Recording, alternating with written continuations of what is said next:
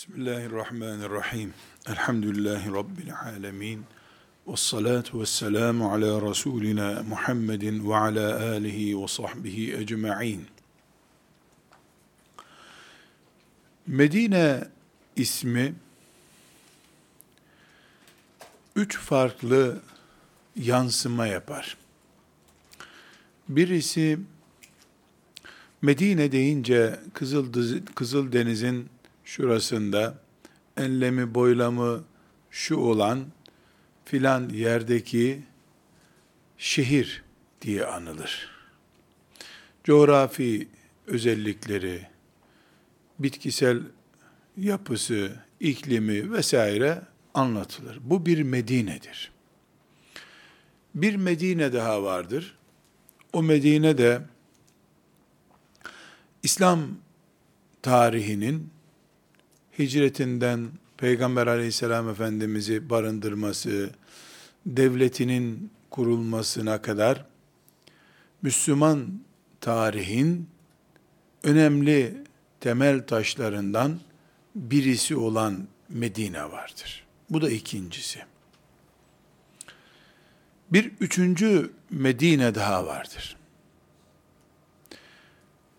O Medine de Cebrail aleyhisselamın kıyamete kadar bütün müminlerin Allah'a ve ahiret gününe iman edenlerin bağlı kalacağı şeriatı getirdiği yerdir. Bunun için müminlerin elindeki kitabın surelerinin bir bölümüne Medine suresi denmiştir. Diğerine Mekke suresi denmiştir. Bu üçüncü Medine kesinlikle ikinci ve birinci Medine ile aynı değildir. Bugün ne yazık ki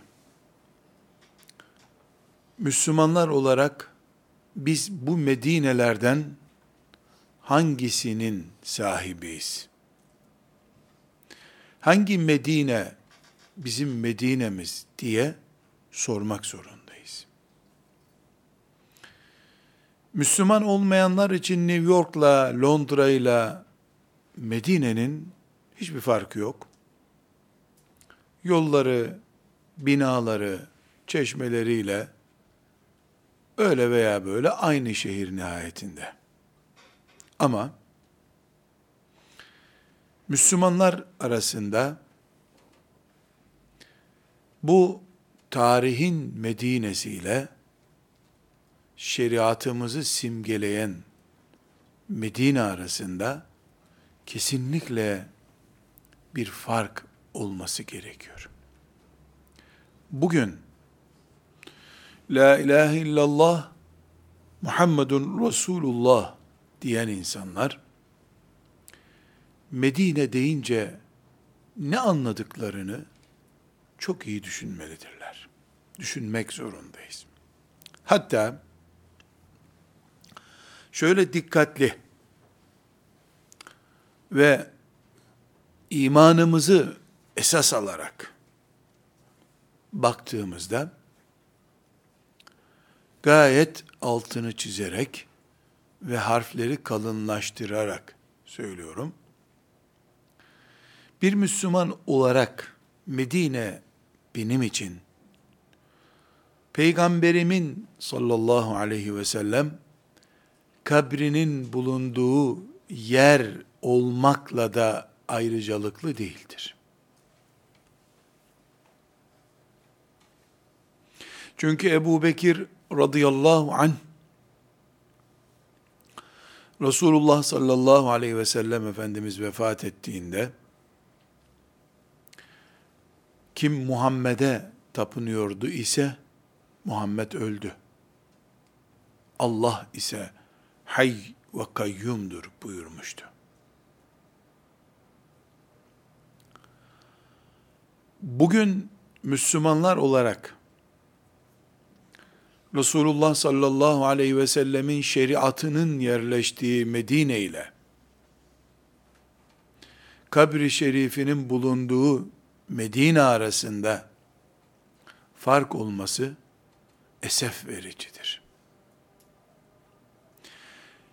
Bir Müslüman olarak Peygamber aleyhisselam Efendimizin kabri elbette gözümüze sürme yapacağımız kadar değerlidir.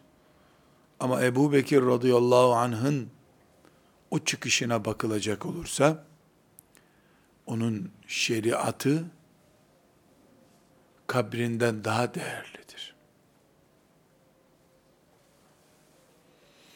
Bunu anlamak istemeyenler için kabri şerifini her gün ziyaret etmekte bir anlam ifade etmiyor zaten.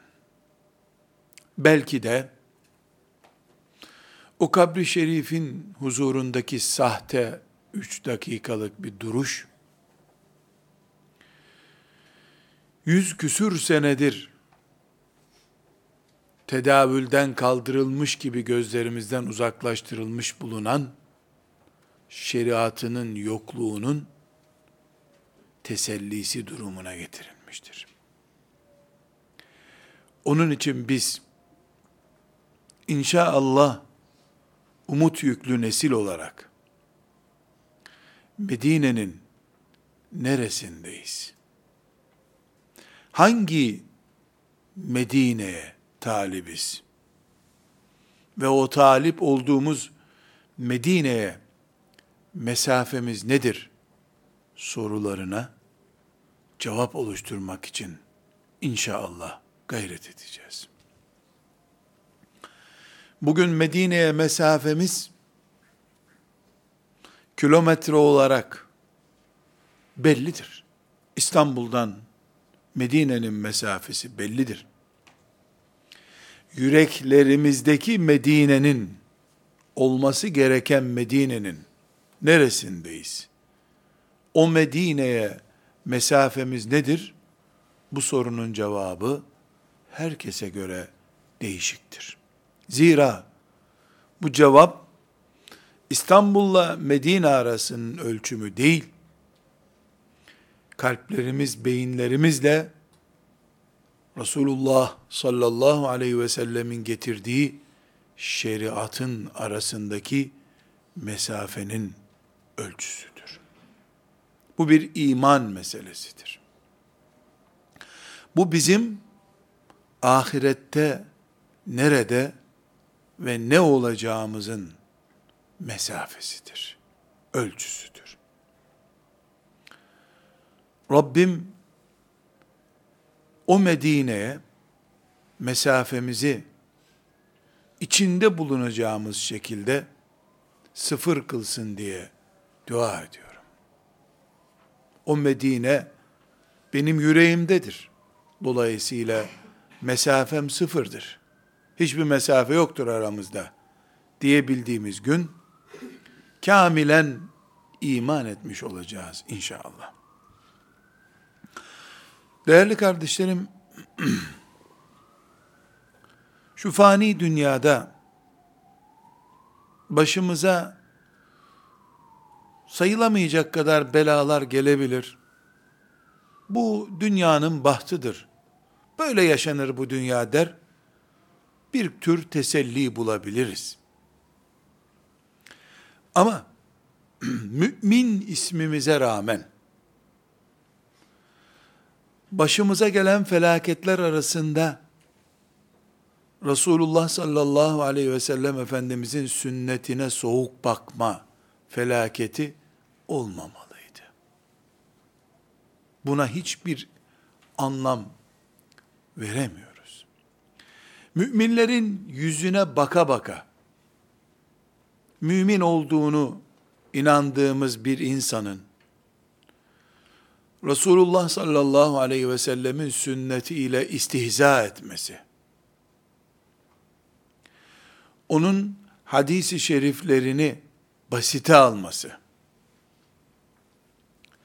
Kur'an'ı, Kur'an'ımızı gerekçe gösterip Peygamber sallallahu aleyhi ve sellemin sünnetini, hadisi şeriflerini gereksiz gibi önümüze koyması,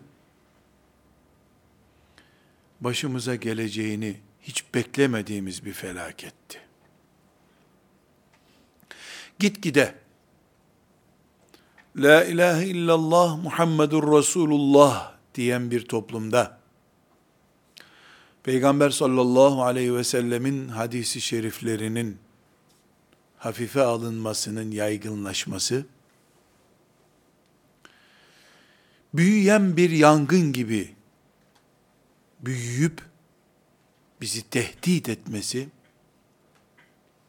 esasen o Medine'ye Medine'nin getirdiği şeriata da mesafemizin çığ gibi büyüdüğünü göstermektedir. Depremi sigortalayıp evlerini koruma altına aldığı gibi insanların bizim de artık Resulullah sallallahu aleyhi ve sellemin sünnetini imanımıza sigorta ettirmemiz gerekiyor. Peygamber aleyhisselamın sünneti ve hadisi şerifleri imanımızın sigortası altında olmalıdır. Bu ne demek? Sünnet ve hadisi imanımızın teminatı altına almalıyız. Ve sünnet, hadis imanımız anlamına gelmelidir. Bu böyle idi zaten. Böyle olmadıkça biz iman etmiş olamazdık. Ama ne yazık ki içimizi kemiren bir fitne özünde kafirlere hoş görünme, peygamberlerini bir kenara bırakmış Yahudi ve Hristiyanları keler deliğine girseler bile taklit etme fitnesi, bizi de bu ümmetin içindeki insanları da ne yazık ki, ne yazık ki istila altına almıştır. Ve bugün ilmen de yaş olarak da çocuk sayılacak insanların Allah'ın peygamberinin hadislerini ümmeti Muhammed'in 14 asırlık hadis emeğini sakız gibi çiğneyip sonra da ağızlarından tükürüp atabilecek durumda olmaları Allah'ın kaderi ile başımıza gelmiş en büyük felaketlerden birisidir. Bu sebeple bugün bu yaşadığımız zamanda filan kafirlerin ümmetimize saldırılarına karşı planlamalar yaptığımız gibi filan içimizdeki peygamber kıymeti bilmez cahillerin bize saldırısına karşı da en ağır tedbirlerimizi almadıkça Peygamber aleyhisselam efendimizin şahsını ve hadislerini koruma altına almadığımız sürece onun peygamberliğini de korumuyoruz demektir. Bu artık bir iman meselesidir bizim için. Ya biz Resulullah sallallahu aleyhi ve sellemin emaneti olan sünnetini ve onun yazıya dökülmüş şekli olan hadislerini imanımız kabul edeceğiz. Olmazsa biz mümin değiliz diyeceğiz. Ya da 50 sene sonra mı, 150 sene sonra mı, Yahudilerin ve Hristiyanların başına gelen, peygamberlerini bir kenara bıraktıkları halde mümin olma hastalığı, bizim de başımıza gelecek. Rabbim muhafaza buyursun diye dua ediyoruz. Ama neslimizin içinde bu fitnenin kol gezmesine karşı tedbir almadığımız sürece Medine'ye olan mesafemizi her gün ölçmediğimiz sürece şu dünyadan hakiki bir mümin olarak ayrılmamızın tehlikede olduğunu bilmemiz gerekiyor. Burada sünneti korumamız Resulullah sallallahu aleyhi ve sellemin sünnetine ve o sünnetin söze dökülmüş, yazıya dökülmüş şekli olan hadisi şeriflere sahip çıkmamızın şu günlerdeki imanımız olduğunu vurgulamak istiyorum. Ve belki risk taşıyacak, anlaşılması zor olacak bir cümle olarak da diyorum ki bugün Medine'ye mesafemizi münafıkların da yaptığı, yapabileceği turistik, artistik bir iş olabilecek Medine'yi ziyaretle bile ölçemeyiz diyorum. Medine'de Ravza-i Mutahhara'da kabri şerifin karşısındaki duruşumuz, ziyaretimiz esasen imani bir tavır olmakla beraber artık bugün bir ölçüm cihazı olma niteliğini de kaybetmiş olabilir diyoruz. Onun için Resulullah sallallahu aleyhi ve sellemin sünneti, o sünnetin elimizdeki dokümanları olan hadisler, Medine'ye mesafemizin en net ölçülebilecek cihazı durumundadırlar. Bu hakikattan sonra Medine'ye mesafemizle ilgili bazı kuralları buracıkta hatırlamamızda fayda var umuyorum. Aziz kardeşlerim, Resul ve Allah kelimesini ayırabilir miyiz? Yani peygamber ve Allah birbirinden ayrılabilir mi? Allah'ı olmayan Resul düşünebilir miyiz?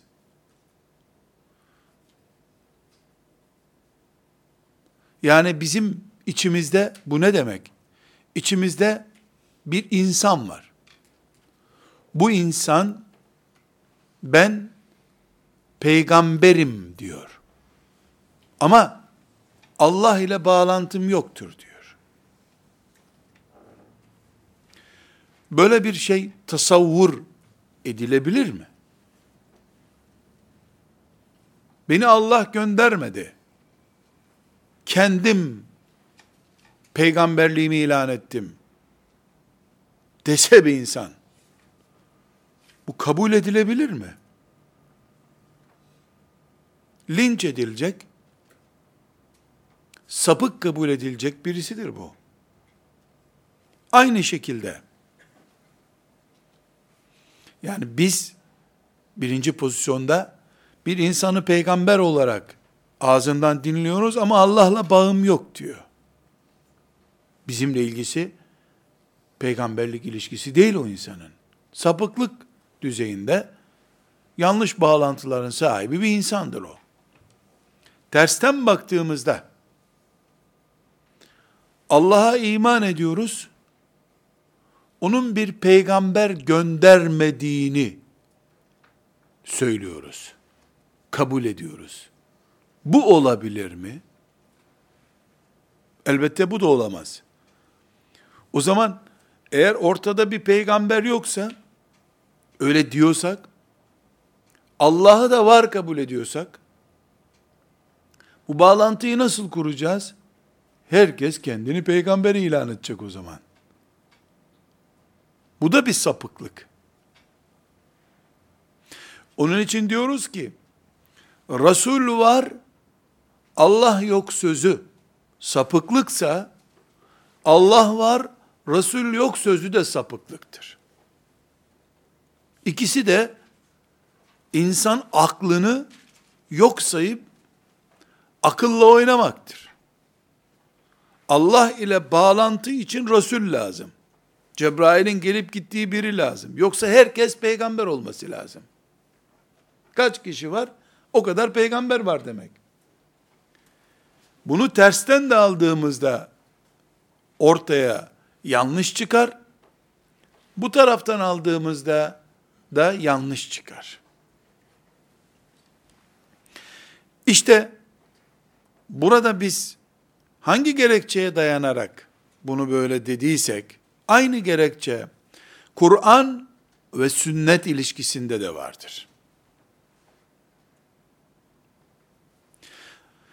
Düzeyi farklı olmakla beraber, bağlantı oranı farklı olmakla beraber, Resulullah ve Allah bağlantısı Kur'an ve sünnet bağlantısında da vardır. Nasıl yahu peygamber var Allah yok sözünü sapıklık kabul ediyorsak ya da Allah var peygamber yok sözünü sapıklık kabul ediyorsak Kur'an var sünnet yok sözü de sapıklıktır. Sünnet var Allah yok sözü de e, Kur'an yok sözü de sapıklıktır. Bana Allah yeter. Peygambere gerek yok. Veya peygamber var, peygamberim var, Allah'a gerek yok. Haşa. Şeklinde gibi sözdeki sapıklık, düzeyi farklı olmakla beraber, Kur'an'ım var, sünnete gerek yok. Sünnetim var, Kur'an'a gerek yok da yansıyabilecek bir sapıklıktır. Şüphesiz düzeyi farklı. Sapıklık düzeyi farklı.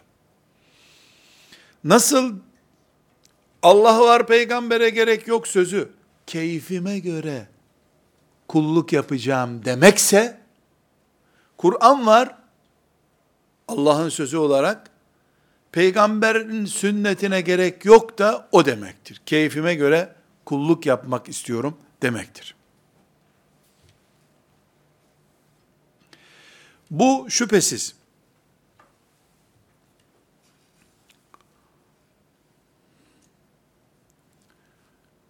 bizim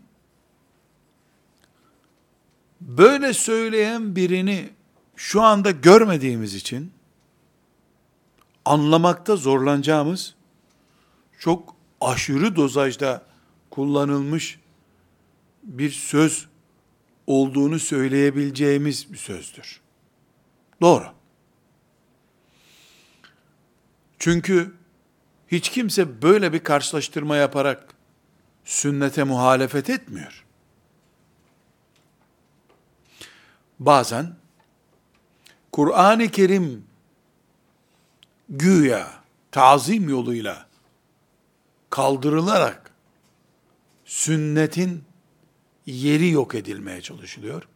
Bazen de başka sebeplerle. Bundan dolayı benim bu yaptığım benzetme sanki yeri yokmuş gibi anlaşılsa da özü bu olan bir savaşı şeytan meydana indirmiştir. Direkt Resulullah'a gerek yok diyemediği için aleyhissalatü vesselam, bunu henüz camilerde konuşturamadığı için, Resulullah'ı Resulullah yapan esaslardan birisini yok ettirerek, boşlukta duran, konuşmayan, konuşma yetkisi olmayan bir peygamber üretmeye çalışmaktadır.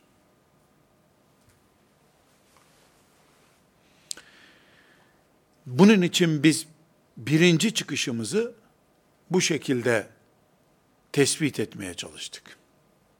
İki, bazı altyapıyı hazırlayan mefhumlar konuşalım istiyoruz. Resulullah sallallahu aleyhi ve sellem Medine'ye Kur'an ismini verdiğimiz bir kitap getirdi.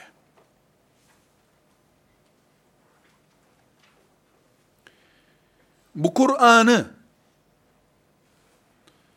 getirdi, mescitte bir rafa koydu. Herkes buradan fotokopi çektirsin, gitsin, Müslüman olsun, cennete girsin mi dedi.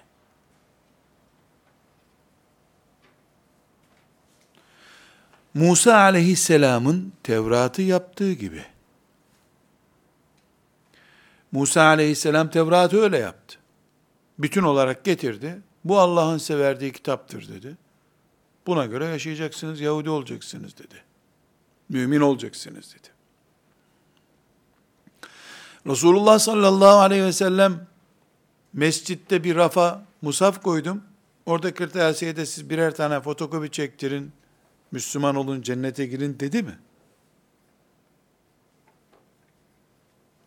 Hayır.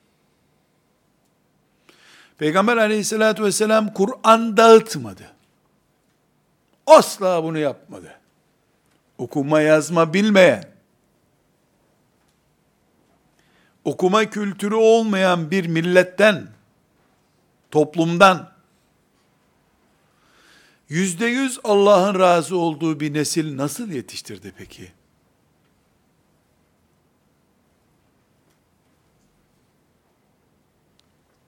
Şu şekilde yetiştirdi.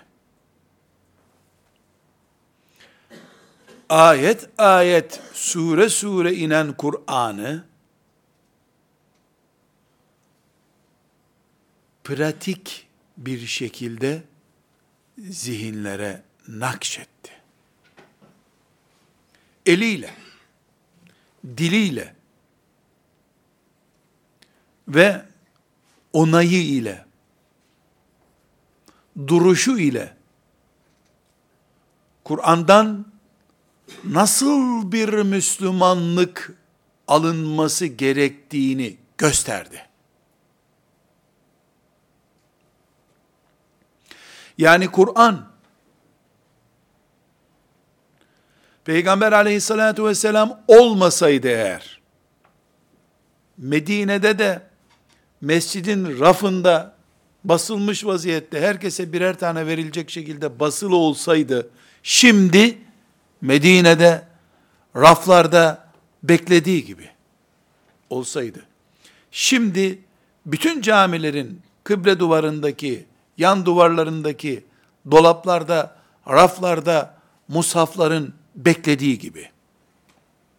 Şimdi on binlerce gencin, insanın ezberini bile Kur'an'dan ezberini bile bildiği gibi. Kur'an, Peygamber sallallahu aleyhi ve sellemin pratikleriyle gelmiş olmasaydı, Musa aleyhisselamın Tevrat'ı Yahudilerin önüne koyduğu gibi, Yesriplilerin önüne koyup gitseydi Resulullah sallallahu aleyhi ve sellem, 23 sene sonra, Allah'ın sizden razı olduğum, beğendim sizi dediği bir nesil yetişir miydi? 23 yıl cahiliye hayatı yaşayan bir toplumdan nurani bir toplum çıkarır mıydı? Kur'an bunu nasıl yapacaktı? Pratiğini Resulullah yapmasaydı.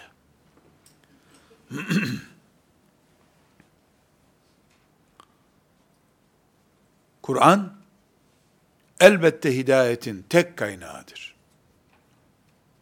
Kur'an'a ne peygamberin aleyhissalatü vesselam ne de başka bir insanın 115. sure ilave etmeye hakkı yoktur, yapanın imanı yoktur. 115. suresi olamaz Kur'an'ın. Hiç kimse onu 113'e de indiremez. Peygamber sallallahu aleyhi ve sellem de dahil.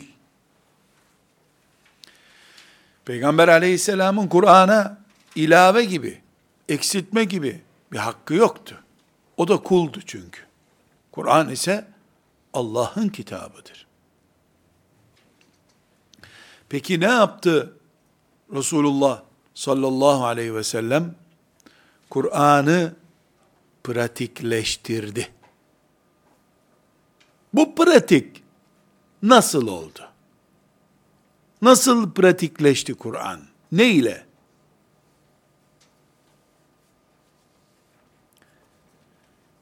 Neden önceki milletlerin bu kitabı kaldıramayız çıkışı ashab-ı kiramda olmadı. Allah onlardan razı olsun. Çünkü Kur'an'ımızı ashab-ı kiram yani birinci nesil Peygamber sallallahu aleyhi ve sellem'den pratik şekliyle aldılar. Anlaşılmaz, ne yapılacağı bilinemez, nasıl uygulanacağının açıklaması olmayan bir kitap olarak almadılar ki. Namaz deyince Kur'an, Peygamber aleyhisselam böyle dedi. Zekat dedi Kur'an, şu kadar dedi Peygamber sallallahu aleyhi ve sellem. Oruç dedi, sabahtan akşama kadar nasıl olduğunu gördüler. Nikah dedi, defalarca kendisi uyguladı. Onları da şahit tuttu. Talak dedi, gösterdi böyle dedi. Aksi takdirde, Yahudilerin Tevrat'ı biz ne yapacağız şimdi? Nasıl uygulayacağız? Dediği gibi, vahim bir tablo Yesrib'i bekliyordu. Yesrib'i Medineleştirme Kur'an'ın emridir. Allah'ın emridir. Ama bunu pratiğe döken Peygamber sallallahu aleyhi ve sellemin 23 senesidir. Bundan anlaşılıyor ki Resulullah sallallahu aleyhi ve sellem 23 yıl gibi kısa bir zamanda bir gencin doğup askere gideceği bir hale, evleneceği bir yaşama gelme süresi kadar bir zamanda, o kısa bir zamanda en alt bataklıklardan zirveye bir nesil taşıdı. Şüphesiz bu Kur'an'ın hidayetiyle oldu. Aynı Kur'an camilerin dolaplarında, şimdi o Medine mescidinin on binlerce nüshasıyla raflarında duruyor. Peygamber sallallahu aleyhi ve sellemin pratiğini kenara çektiğinizde o raflarda öyle bekler o Kur'an. Ya da İsa aleyhisselamdan 50 sene sonra o göklere kaldırıldıktan 50 sene sonra 350 çeşit din ve İncil türeten Hristiyanların akıbeti gibi bir akıbet Kur'an'ı beklerdi. Sadece 50 sene sonra İsa aleyhisselamdan 350 çeşit İncil ve Hristiyanlık türedi. Eğer namazıyla, kelime-i tevhidiyle, şeriatıyla, İslam Medine'deki tazeliğinde hala duruyorsa, bunun en temel nedeni şüphesiz Allah'ın korumasıdır. Murad etti, korudu Allah bu korumayı da Peygamber aleyhisselamın pratiğiyle Allah gerçekleştirmiştir. Bu korumada Allah'ın koruma muradının tahakkuku Peygamber sallallahu aleyhi ve sellemin pratiğidir. Onun için şeytan bu ikinci noktada diyoruz ki şeytan direkt Kur'an'ı kaldırmayı başaramayacağını biliyor. Ama Kur'an'ın pratiğini Kur'an'dan uzaklaştırdığı zaman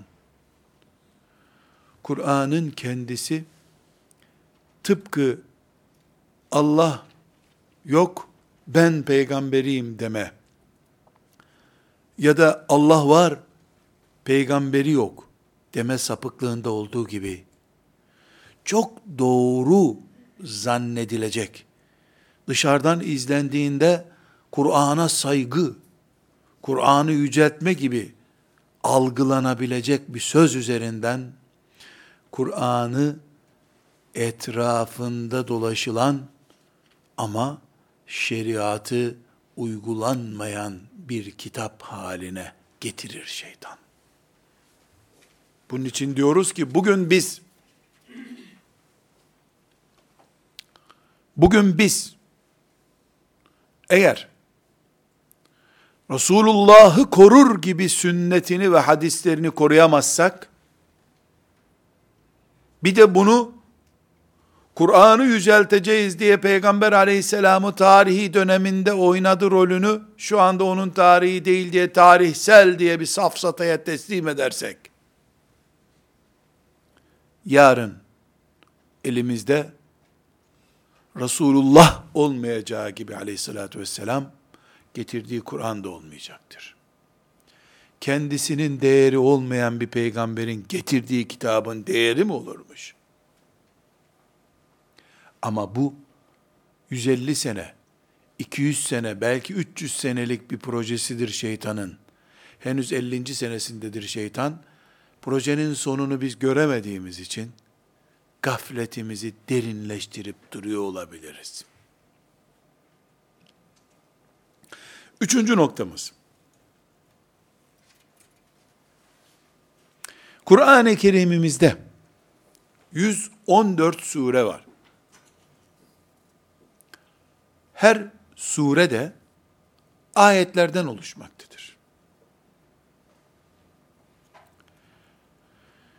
Bu ayetler içerisinde bir sayfalık mesafeyi, hacmi dolduracak ayet de var bir satırdan daha küçük ayetler de var. Allahu Samed de ayettir. Bakara suresindeki müdayene ayeti de bir sayfa olarak o da ayettir.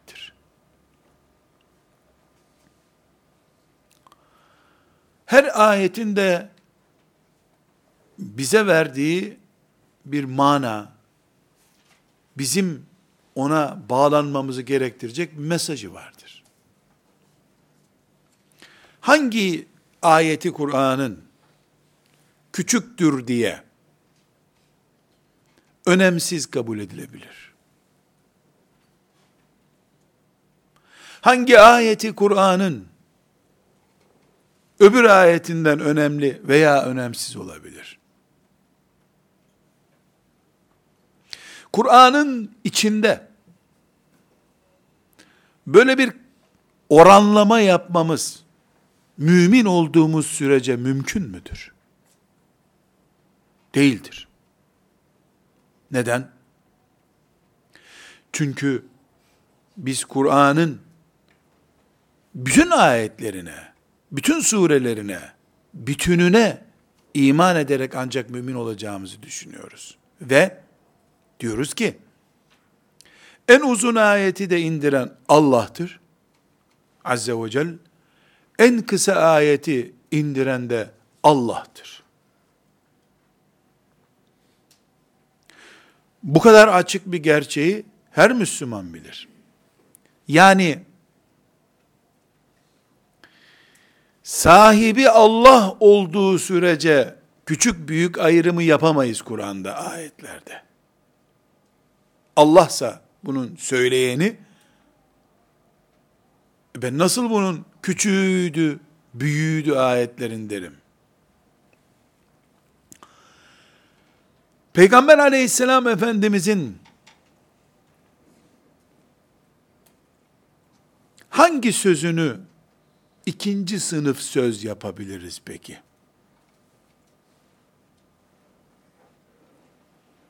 Bu Allah'ın kitabı Kur'an'a sahip çıkın dediği sözünü kenara alabilir miyiz?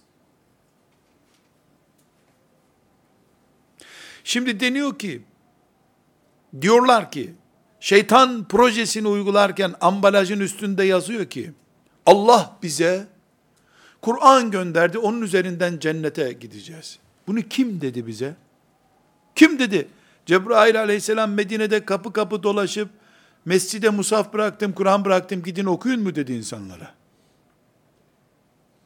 Hayır. Abdullah'ın oğlu Muhammed isimli bir insan sallallahu aleyhi ve sellem size Allah'tan kitap getirdim dedi. Bu hadis işte. Hadis bu. Size şöyle diyorum sözü Abdullah'ın oğlu Muhammed sallallahu aleyhi ve sellemin bir insan olarak bize söylemesi budur. Size Allah'tan kitap getirdim. İyi ki getirdin biz de dalaletteydik. Şimdi bu kitabı okuyalım dedi. Bütün insanlar.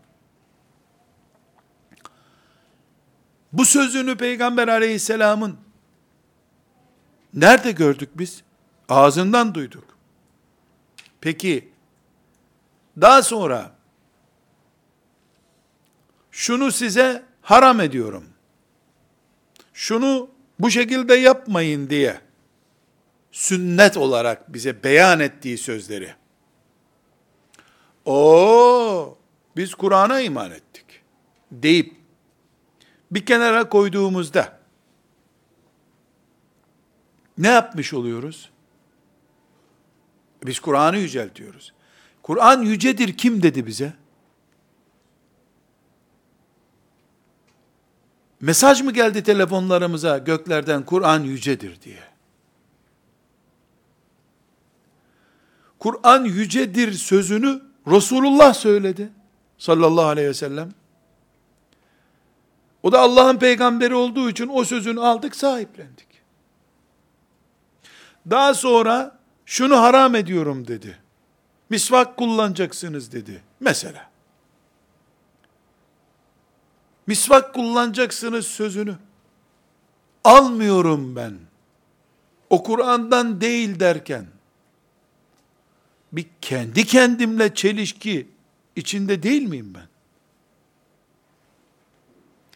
Bu ne demek oluyor o zaman? Benim peygamber dediğim insanın bir sözünü alıp öbür sözünü almama hakkım var demek ki. Bu peygambere gösterilebilir bir tavır olabilir mi? Peygamber aleyhisselamın sözlerinden seçme hakkım var mı benim? Önemli, önemsiz diyebilir miyim peygamberin sözü için aleyhissalatü vesselam? Kur'an'ın herhangi bir ayetini küçüktür. Bu Firavun'u anlatıyor. O Karun'la ne işimiz var bizim deyip bunu namazda okumayalım diyebiliyor muyum? Kur'an'ı bütün olarak alıyorum. Niye? Allah'a ait bu çünkü. Ve bu kuralı kim bana koydu? Peygamber koydu. Ne ile? Hadisleriyle, sünnetiyle. Kur'an'ı Kur'an yapan peygamberin mesajlarıdır. Bu Bakara suresinin ayetidir. Demeseydi Bakara suresine konacak mıydı o ayet? Peki hadis ne demek? Sünnet ne demek? Peygamberin ağzından çıkan söz demek. Bu İhlas suresidir. Namazda bunu okuyabilirsiniz dediği için namazda İhlas suresi okuduk. Bu İhlas suresidir bunu Kur'an'a koyun derken sözü hadistir, sünnettir. Hangi yetkiyle ben onun 500 tane hadisinden, sünnetinden 5 tanesini alıp şu kadarını kenara koyabilirim? Eğer ben peygamber sözüdür diye bana ulaşan yüz sözünden ikisi Kur'an'ı yüceltmek için kullanılmış söz. Onları otomatik alıyorum. Niye alıyorum onları otomatik? E, peygamber Kur'an yücedir dedi. Bana da Kur'an lazım. Peki aynı peygamber bu Kur'an'ı alın. Allah'tan size getirdim bunu derken peygamberdi de köpek pistir. Köpek mendebur bir hayvandır dediği zaman bu sözünü hangi hakla almayabiliyorum ben? Sırf köpek seviyorum ben diye mi? Kadın erkek bir arada karma oturmayın. Kadın erkek el, el ele tutuşmayın derken Peygamber aleyhissalatü vesselam belli günler Kur'an'ı açıklama günleriydi. O günlerdeki sözünü kabul ettik de bu günler tatilde söylenmiş sözleri miydi bunlar? Saat 17'de nübüvvet dairesi kapandı. Mesai saati dışında söylediği sözler mi bunlar? 8-5 arası mı sadece Kur'an söylüyordu? Kardeşlerim, çok derin alim olmak gerekmiyor. Sünnetin oyulduğu bir ortamda, hadisi şeriflerin sakız gibi insanların çiğneyip çiğneyip bir kenara atabileceğini düşündüğü bir ortamda, kalmayan şey Kur'an'dır aslında. Yüz sene sonra da şeytan, Kur'an da Muhammed'in 17'den sonra söylediği sözlerdir diyecek. 8-5 arası söylemedi. 8'de 5 arası söyledi. Resmi resmi saatlerde söyleyebilir. Ya Diyanet İşleri Başkanlığı'nda müftü mü zannettin peygamberi sen sallallahu aleyhi ve sellem? Cami imamı mı zannettin? İlahiyat fakültesinde araştırma görevlisi mi zannettin peygamberi? Biraz düşünen bir müminin çıldıracağı kadar ağır bir oyun bu. Medine'ye mesafemizi büyütüyorlar gitgide. Biz hala bu sene umreye hangi ayda gidelim diye hesap ediyoruz. Hala Medine'nin coğrafyasına takılmış, tarihine takılmış bulunuyoruz. Eğer Kur'an'da herhangi bir ayeti bunu olmasa da olur diye küçük göremiyorsak sahih bir şekilde bize ulaşmış olan herhangi bir hadisi şerifi de sünnete ait herhangi bir mirası da önemli veya önemsiz ayıramayız. Kur'an Resulullah'ın olduğu gibi sallallahu aleyhi ve sellem sünneti de Resulullah'ın Resulullahlığı ile ilgilidir. Bu bir başka noktaydı. Bir daha ele aldığımızda sünneti bir başka mülahazayla ele aldığımızda biz diyoruz ki Resulullah sallallahu aleyhi ve sellem Efendimiz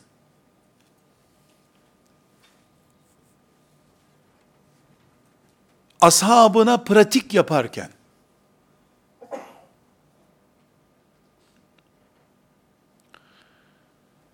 bu pratiği şimdi bizim din öğrenirken kullandığımız gibi konularına bölünmüş, sayfa numaralarına ayrılmış olarak uygulamadı.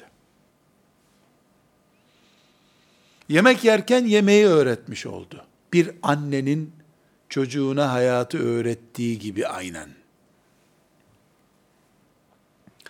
Bir annenin idrarı geldiğinde çocuğu tuvalete götürüp idrar boşaltmayı öğrettiği kadar pratik bir şekilde tuvalet kültürü verdi ashabına. Acıkınca çocuğunu emzirdiği gibi yemek terbiyesi verdi. Hiçbir zaman ashabını toplayıp bugün abdest dersi yapacağız. Müfredatımız öyle. İnşallah yarın da namaz dersi yapacağız diye sıralama yapmadı. Peygamber sallallahu aleyhi ve sellemin Kur'an'ı donatan, Kur'an'ın etrafında dolaşan sünneti, hadisi şerifleri dindi. Din olduğu kadar hayattı da. Yani hayatın içindeydi. Teori olarak hiçbir şey öğretmedi ashabına. Şöyle olursa böyle olsun demedi. Şöyledir.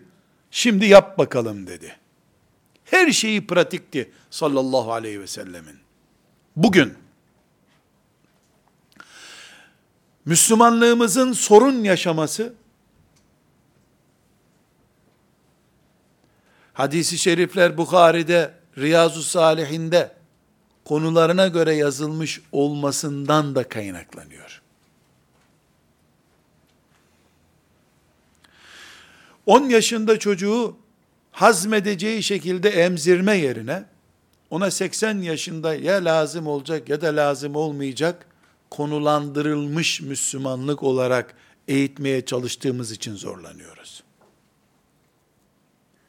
Elbette Bukhari'nin konularına göre dizilmiş olması, Riyazu Salihinimizin bir konu indeksi içerisinde dizilmiş olması, daha sonraki dönemler için bir zaruretti. Nasıl toplayacağız bu hadisleri? Ama bugün biz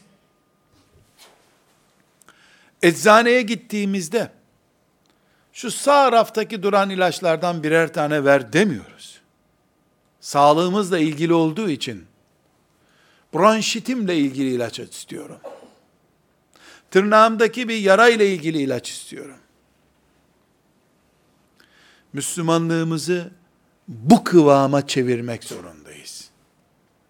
Aksi takdirde ilahiyat fakültelerinde, Mısır'da Ezher Üniversitesi'nde, eczanenin bu tarafını birinci sene, bu tarafını da emekli parasıyla ikinci senede almaya çalışan bir hasta gibi blok blok din alıp gençlere bunu öğretip işte bu bölümü, dinin bu bölümü, dinin öbür bölümü diye öğretip çok din bilen ama azını bile yaşamakta zorlanan nesil yetiştirmiş oluyoruz. Üç aylık bir çocuğun açlıktan bağırıp feryat ettiği, yüzünün benzinin solduğunu düşünün. Bir insan da o çocuğa acıdığını ve götürüp büyük bir fırının önünde beğen yavrum ekmekler hep senin olsun dediğini düşünün. Bu işkenceden başka bir şey değil. Bugün ashab-ı kiramla aramızdaki kıyaslanma yapıldığında ortaya çıkan facia budur kardeşlerim. O anda acıkınca Resulullah'tan ihtiyacı olan şeyi aldı aleyhissalatü vesselam. Gece kocasından dayak yedi kadın, sabah namazında peygamberi buldu, beni kocam dövdü dedi. Hemen ona eczaneden ağrısı ile ilgili ilaç verildi. Şimdi 10 yaşında çocuğa eşi yok, bir şeysi yok, kadın dövmekle ilgili hadisleri okusan ne olacak? Herkesin ağrısına, sızısına göre ilaç alacağı pratiklikte bir Müslümanlık ancak hadis kültürüyle mümkündür. Sünnetle mümkündür. Kur'an'ı bir insana al, Müslümanlığı yaşa demek, büyük bir fırının önünde, üç aylık bir bebeği, doy buradan istediğin kadar para almayacağız senden, demek gibidir. Sünnet olmasa, fırının önünde açlıktan bağıran çocuklar haline döner ümmet.'' Elbette kitaplarımız, hadislerimiz pratik, karma karışık, 23 yılda okunacak hale gelmesi gereken bir durumda olmayacak. Ama pratiği ne olacak bunun? Baş ağıran, baş ağrınca kullanacağı ilacı Bukhari'den bulacak. Evlenen, Riyazu Salihinden aile terbiyesini, çocuğu olan çocuk büyütme terbiyesini öğrenecek. Böylece biz Allah'ın izniyle birinci neslin yetiştiği mantıkla son nesilde olsak bu dinde aynı makama çıkmamız Ebu Bekirleşme Allah ondan razı olsun. Ömerleşme, Osmanlaşma, Alileşme, Enesleşme, Ammarlaşma, Yasirleşme, Sümeyyelleşme, Nesibeleşme sürecine girebiliriz Allah'ın izniyle paket paket değil, lokma lokma Kur'an yaşamak, sünnetin onu lokmalaştırdığı şekilde mümkündür. Burada bu maddeye ilave olarak, bir dipnot olarak şu hakikati beyan etmem gerekiyor kardeşlerim.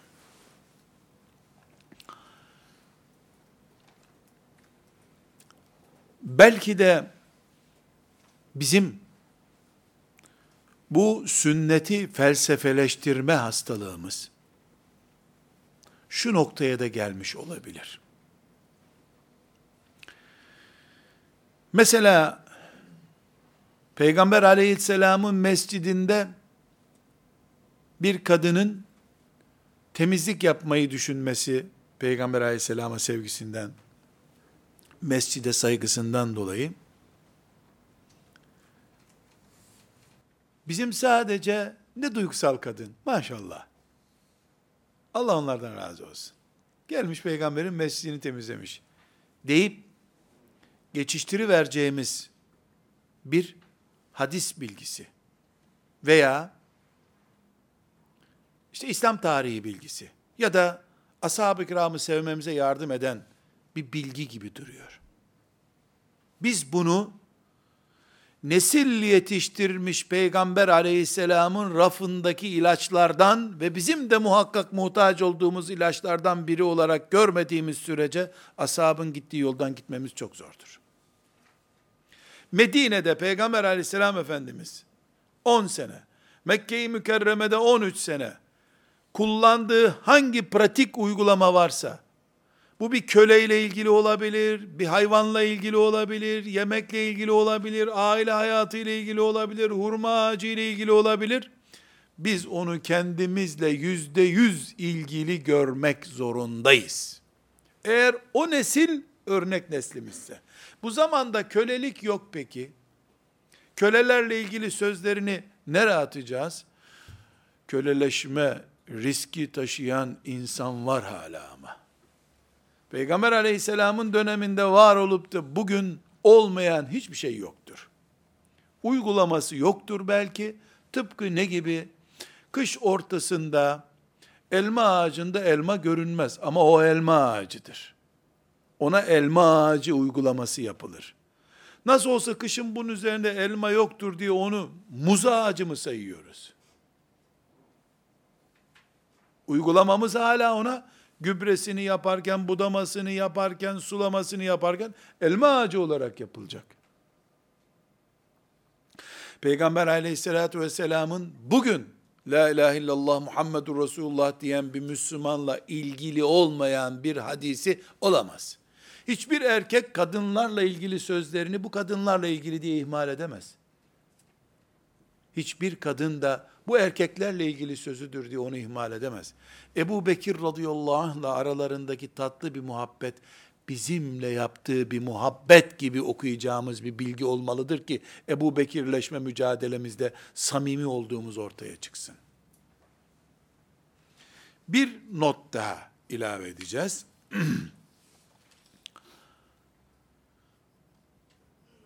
Değerli kardeşlerim, çok ağır, riskli bir söz söyleyeceğim. Ama söylenmesi bugün farz olan bir sözdür bu. Müslümanlık olarak misvak kullanmaktan namaz kılmaya, cihad etmekten savunma yapmaya kadar, sağlıktan mezara ait bilgilere kadar, Müslümanlık olarak ne biliyorsak, 1437 senedir hicret takvimiyle, Müslümanlar Allah için neler yapıyorlarsa, bunların neredeyse yüzde seksene yakını, Peygamber aleyhisselamın sünnetinden alıntıdır. 24 saatimizin en az 20 saati peygamberin sünnetiyle doludur aleyhissalatü vesselam. Uyku edebinden, tuvalet terbiyesinden, yemek yemekten, günlük hayatımıza ait. Sünneti, Peygamber aleyhisselamın hadislerini yok saydığımızda, Kur'an'dan alabileceğimiz pratik, yüzde yirmilerini doldurmaz Müslümanlığımızın. Önümüze iki yol çıkıyor şimdi. Bundan dolayı. Ya Müslümanlığı yüzde yirmilere düşüreceğiz. Gerisini de liberalist kafayla dolduracağız. Sekülerist anlayışla dolduracağız. İslam'da bu kadardır diyeceğiz. Ya da sahih bir şekilde Peygamber aleyhissalatü vesselam'dan bize ulaşan sünnetlerle Müslümanlık yaşayacağız. Eğer ashab-ı kiramın yaşadığı, birinci neslin yaşadığı Müslümanlıksa sünnetsiz olması mümkün değil bunun. Çünkü dedik ki onların pratiğinde sünnet var. Hayır, Allah'ın razı olduğu birinci nesil, ashab-ı kiram gerekli değilse örnek olarak bizim için, o zaman yüzde yüzünü atmakta da sakınca yok zaten. Hiçbir Yahudi ve Hristiyan sünnetten sorumlu değildir. Hiçbir ateist terk ettiği sünnetlerden dolayı vebal altına girmeyecektir kıyamet günü. Kökü olmayan ağacın dalı mı olurmuş? Meyvesi mi olurmuş? Bu nedenle inşallah bu izah etmeye çalıştığım pratik Müslümanlığımızın her hadisten anlaşılabileceği iddiamız üzerine bazı hadisi şerifleri örnek olarak okuyacağız. Neden bazı hadis-i şerifler diyorum? Bukhari'den namazla ilgili hadisleri okumak istemiyorum. Çünkü namazla ilgili hadis deyince sadece namazımıza yansıtıyoruz onu. Oruçla ilgili deyince orucumuza yansıtıyoruz. Halbuki o hem oruçtur, oruçla ilgili bir hadis okuyorsan, o hem oruçtur, hem Resulullah sallallahu aleyhi ve sellemin Kur'an'ı pratikleştirme uygulamasıdır. Dolayısıyla Müslümanlık pratiğidir o. Herhangi bir tarihi olayı da hadisten öğrenirken Medine'de, bizim Medine'ye mesafemizle ilgili bir konu olarak öğreniriz. Herhangi bir ibadeti Resulullah aleyhissalatü vesselam nasıl yapıyordu diye okurken de bizim Medine'ye mesafemizi belirleyen bir ölçü birimi olarak kabul ederiz. Ve sallallahu ve sellem ala seyyidina Muhammed ve ala alihi ve sahbihi ecma'in velhamdülillahi rabbil alemin.